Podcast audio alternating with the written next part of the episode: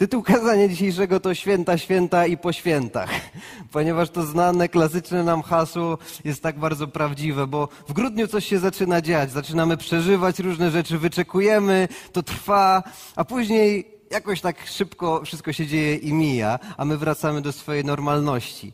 Ale jednak grudzień jest szczególny. Jest szczególny, ponieważ, nie wiem, kto z Was chociaż raz w życiu miał kalendarz adwentowy?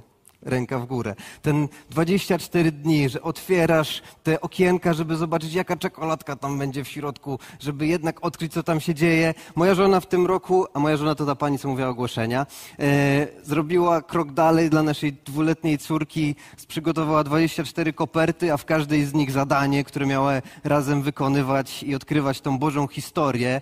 Jest dużo odkrywania w tym naszym grudniowym czasie. Nawet ostatni dzień, w większości domów tradycyjnie 24 prezenty były?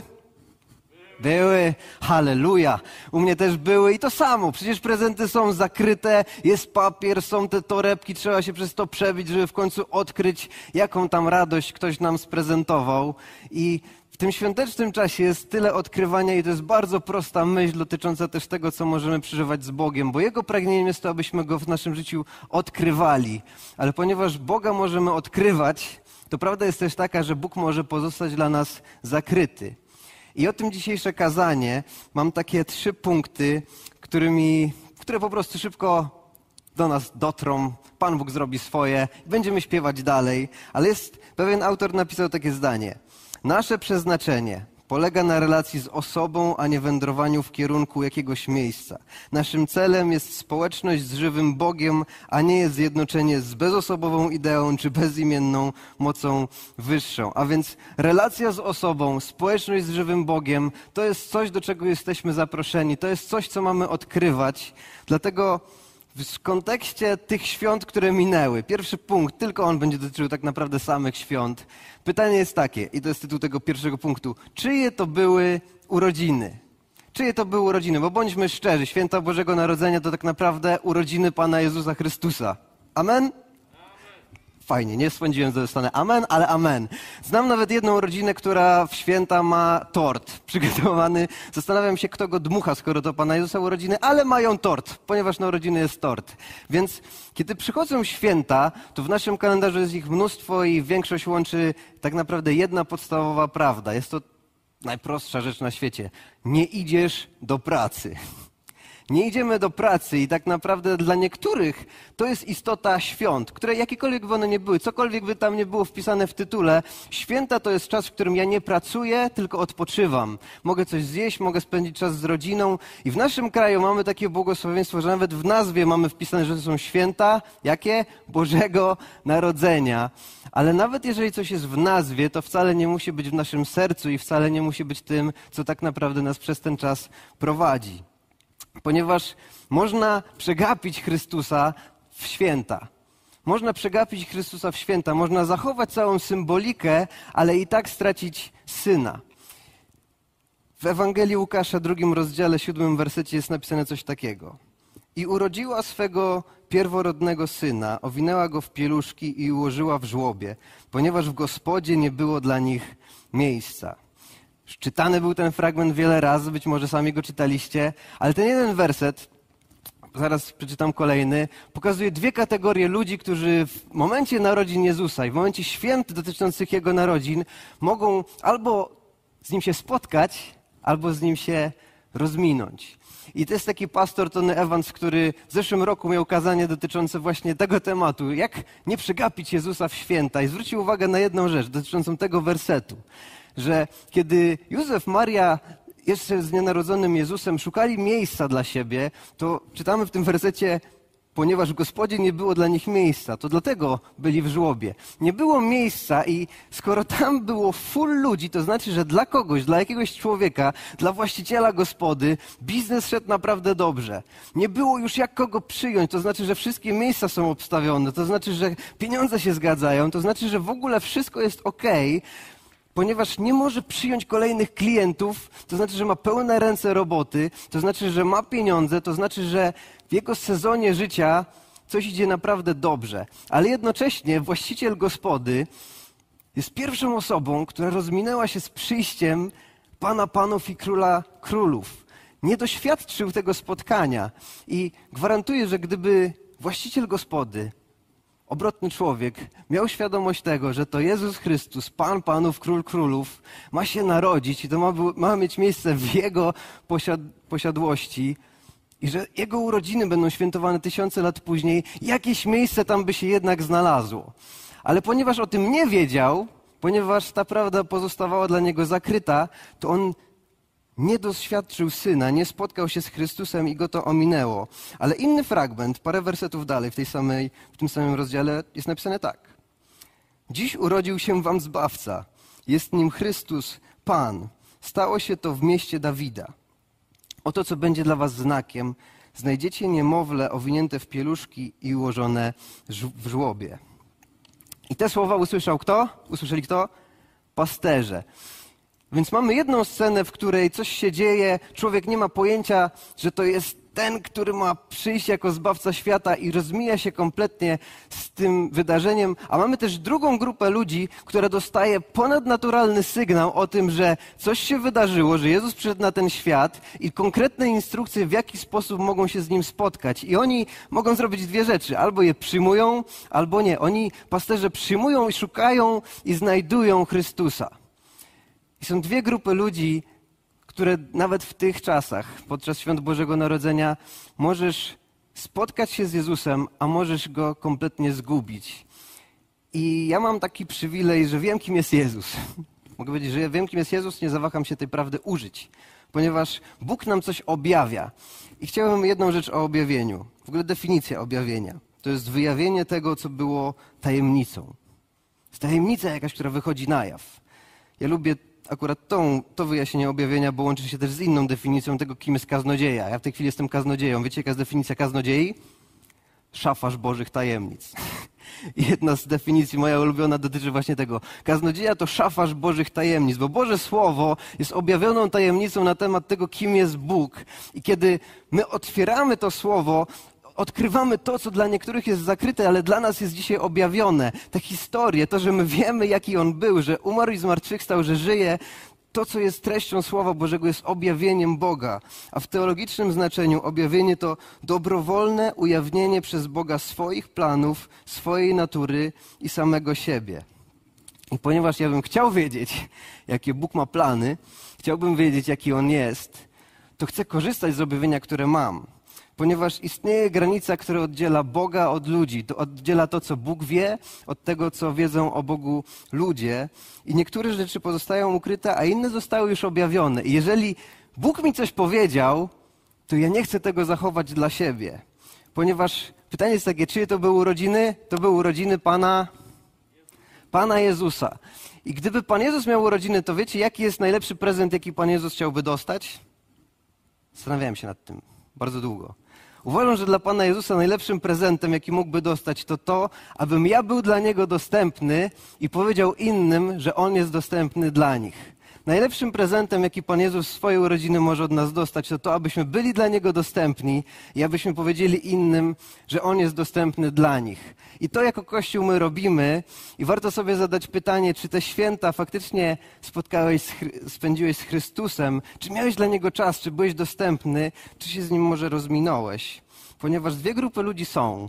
Ci, którzy dostali od Boga objawienie, potrafią rozpoznać pewne znaki, spotkać się z nowonarodzonym i ci, dla których to jest jeszcze zakryte i oni potrzebują o tym się dowiedzieć. Ale święta się skończyły, więc idziemy dalej. Jak po każdej imprezie, byliście na jakiejś imprezie? Imprezy są, trwają i się kończą. I kiedy się kończą, niezależnie od tego, co się działo w trakcie, ludzie rozchodzą się do swoich miejsc. I warto sobie zadać pytanie, gdzie jest dzisiaj Jezus? Gdzie jest Jezus? Ponieważ w dziejach apostolskich w pierwszym rozdziale czytamy coś takiego. Po tych słowach, a widzieli to na własne oczy, został Jezus uniesiony w górę, obok zabrał go sprzed ich oczu, a gdy tak patrzyli, jak on wstępuje do nieba, stanęli przy nich dwaj mężczyźni ubrani w białe szaty. Galilejczycy zapytali, dlaczego tak stoicie i patrzycie w niebo? Ten Jezus, który został zabrany od was w górę do nieba, przyjdzie w taki sam sposób, w jaki widzieliście, że odszedł. A więc przeskoczyliśmy bardzo dużo z początków Ewangelii do końca, tak naprawdę do początku już dziejów apostolskich.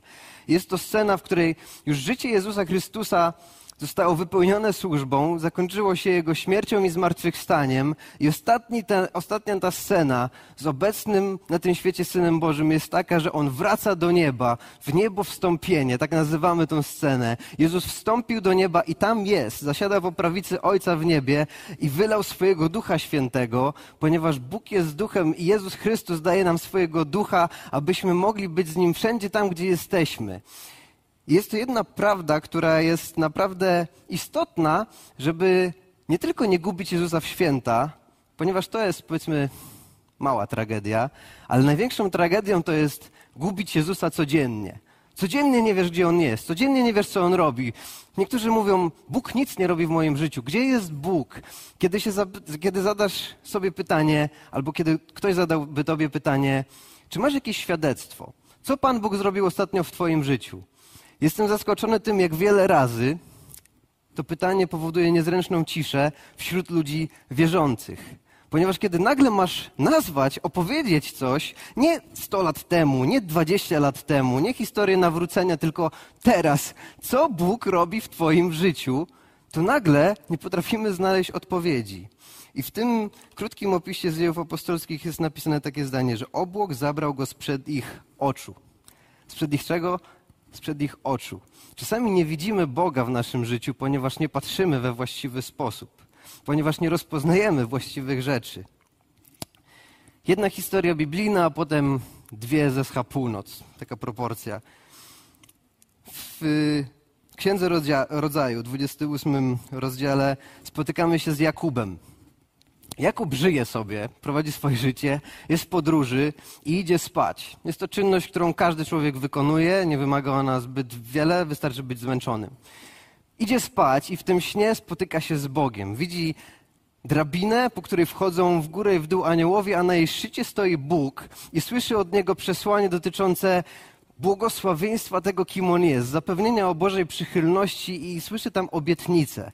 I potem czytamy, że Jakub wypowiada bardzo szczególne słowa. Księga Rodzaju 28 werset 16, 17, 28 rozdział 16-17. Z całą pewnością stwierdził, Pan jest na tym miejscu, a ja o tym nie wiedziałem. Zdjęty bojaźnią dodał, co za lęk budzi to miejsce. Nic tu innego jak tylko dom Boga albo brama do niebios. A więc gdzie On jest? Gdzie jest Chrystus? I moje pytanie jest takie, które warto sobie zadać pytanie. Czy miałeś już, robocza nazwa, objawienie Jakubowe? Czy miałeś dla swojego osobistego życia już objawienie Jakubowe, że Bóg jest dokładnie tam, gdzie Ty jesteś? Emanuel to jest to imię, które też związane jest z tymi świętami. Bóg jest z nami. I Jakub, kiedy się obudził, on uświadomił sobie, że Bóg nie jest w jakimś miejscu, nie jest w jakimś konkretnym jednym miejscu, gdzie przebywa, gdzie masz przyjść, aby się z nim spotkać, ale jest dokładnie tam, gdzie ty jesteś. Jest gotowy dokładnie tam, gdzie jesteś, mówić do ciebie, spotkać się z tobą. I jeżeli nie doświadczasz go, to czasami dlatego, że tak samo jak on tu napisał, Pan jest na tym miejscu, a ja o tym nie wiedziałem. Istnieje taka możliwość, że Pan Bóg robi coś w Twoim życiu, jest obecny w Twoim życiu, ale Ty o tym nie wiesz. Bóg może być w Chinach, w Afryce, gdziekolwiek, ale najważniejsze jest, kiedy jest obok Ciebie, w Twoim życiu, to czy jesteś, nazwać, jesteś w stanie nazwać to, co On robi. I właśnie dwie historie, które w ramach świadectwa u nas w kościele opowiadał o dwóch facetów niedawno. Krzysztof i Jacek. Obaj nawrócili się w dość późnym, późnym, mam na myśli nie 16 lat, tylko troszkę więcej. Mieli już trochę historii za sobą i kiedy spotkali się z Bogiem, mieli już troszeczkę dorobku życia. Mieli już dzieci, mieli już rodzinę, mieli już trochę dokonań w dziedzinie zawodowym i można powiedzieć, że parę sukcesów i parę porażek już za nimi.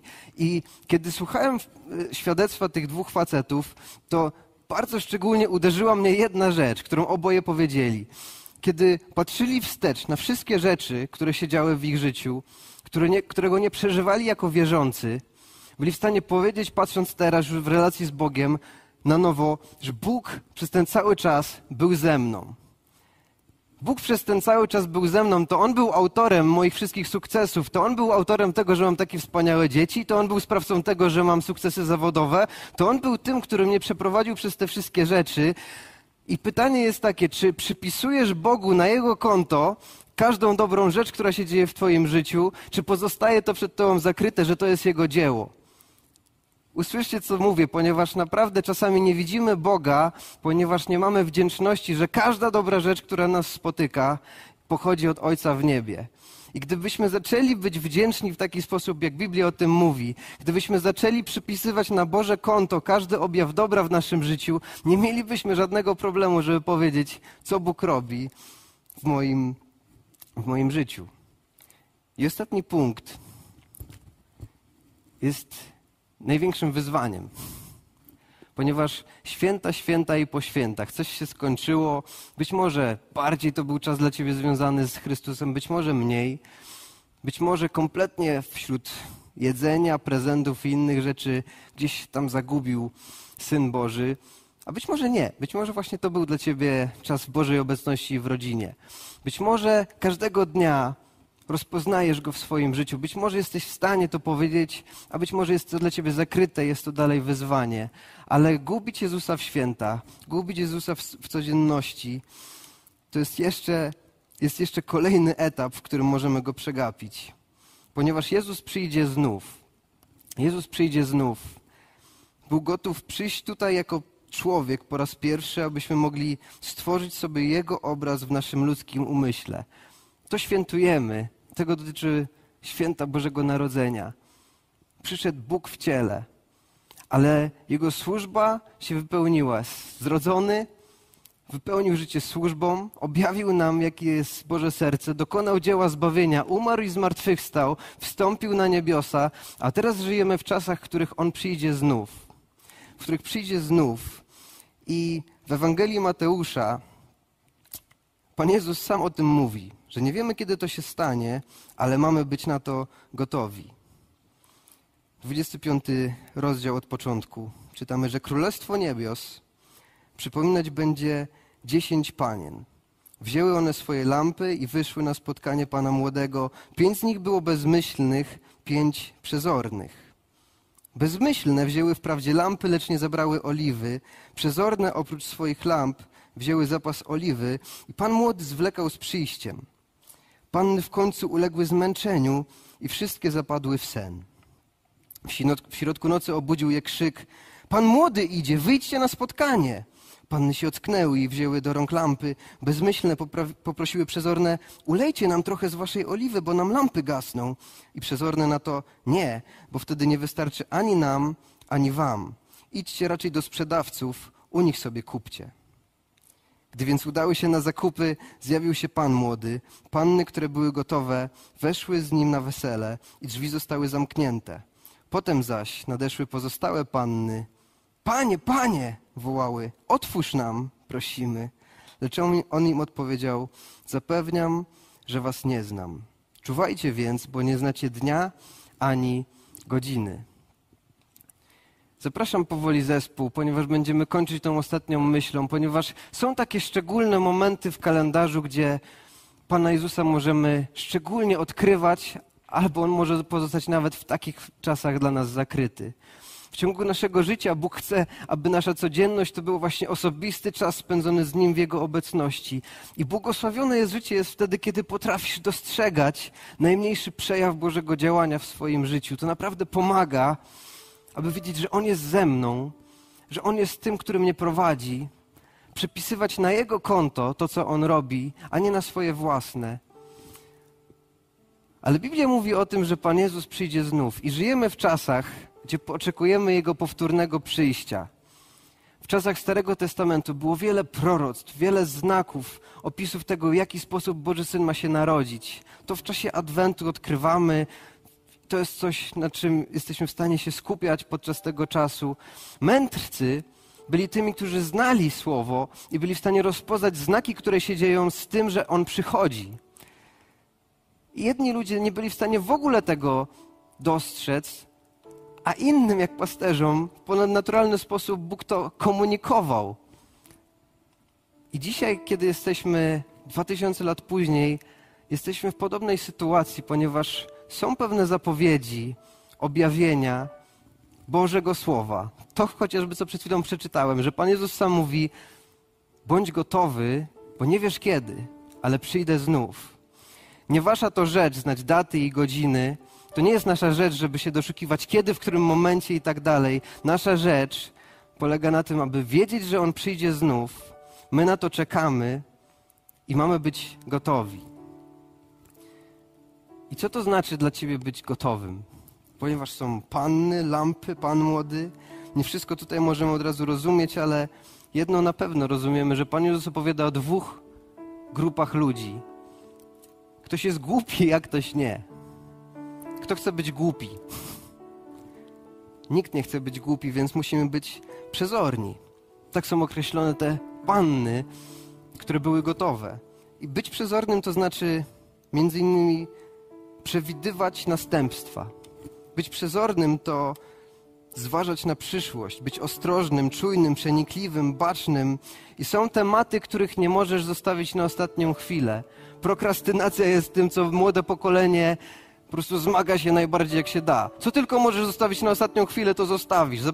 Niektórzy zmagają się z dziećmi, niektórzy dzieci zmagają się ze szkołą, ale nie da się przygotowywać na tak wielkie egzaminy w ostatnim czasie. Nie da się przygotować ogromnych projektów na ostatnią chwilę.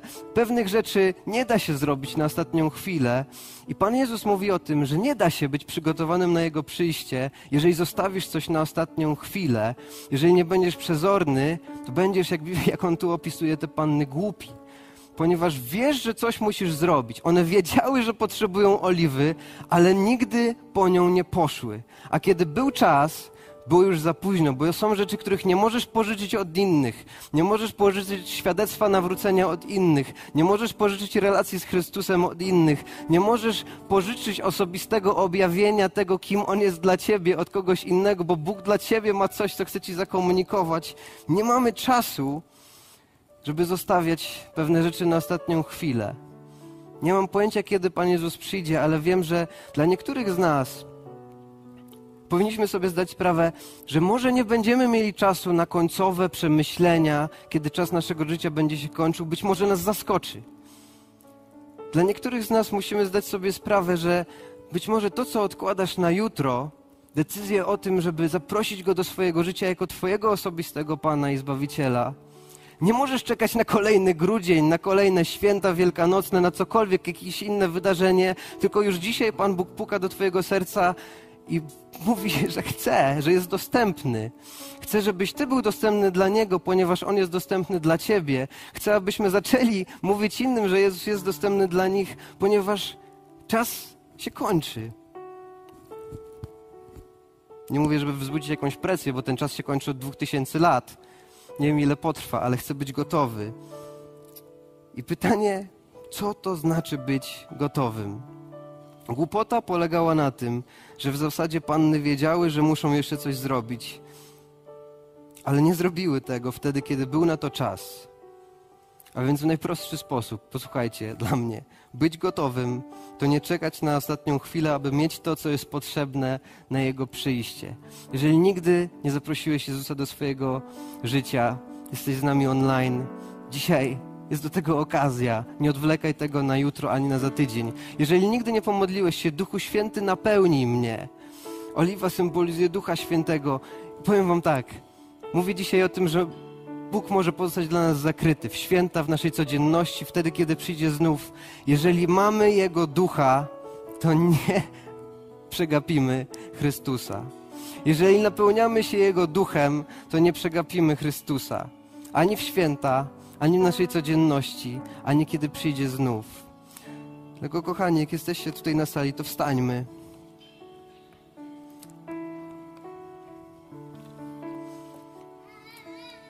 I chciałbym poprosić z okazji tych świąt, które minęły, niedzieli, którą dzisiaj mamy, budujemy się razem. Jesteśmy online. I chciałbym poprosić, żebyśmy zamknęli na chwilę nasze oczy. Jak jesteś przed ekranem, nie musisz. Ale naprawdę zastanów się, czy dzisiaj Duch Święty do ciebie nie mówi, że to jest Twój czas. Żeby powiedzieć: Panie Jezu, wierzę, że Ty przyszedłeś na ten świat, umarłeś za mnie, zmartwychwstałeś dla mojego zbawienia. Dzisiaj chcę powiedzieć, że Ciebie zapraszam. Być może jest tutaj ktoś na sali, być może jesteś online. Jeżeli tak jest, to po prostu pomódl się ze mną tymi słowami. Panie Jezu, wierzę w Ciebie. Wierzę, że przyszedłeś na ten świat. Oddałeś swoje życie za mnie, za moje grzechy i zmartwychwstałeś dla mojego zbawienia. I chcę dzisiaj oddać Tobie moje życie. Nie chcę Cię już więcej przegapić. Ani w święta, ani w mojej codzienności, ani kiedy przyjdziesz znów. Napełnij mnie swoim Duchem Świętym. Amen. A być może jesteś tutaj na sali. Być może słuchasz tych słów i jakiś niepokój się wkradł w Twoje serce. Bo Pan Jezus ma przyjść i czy Cię zastanie w dobrej pozie, czy zastanie Cię, kiedy się modlisz, czy coś. Może teraz powinieneś być cały czas niespokojny. Nie, panny spały. Nie ma nic złego w tym, żeby spać, odpoczywać, cieszyć się życiem. Po prostu trwaj w Nim. Bądź pełen Jego Ducha Świętego. Być może to jest Twoja modlitwa dzisiaj. Duchu Święty, napełnij mnie i prowadź. Napełnij mnie i prowadź. Ponieważ jeżeli masz Jego Ducha, to nie przegapisz Chrystusa. I Panie, Tobie dziękujemy, że to jest dla nas dostępne i nam to objawiłeś. Amen.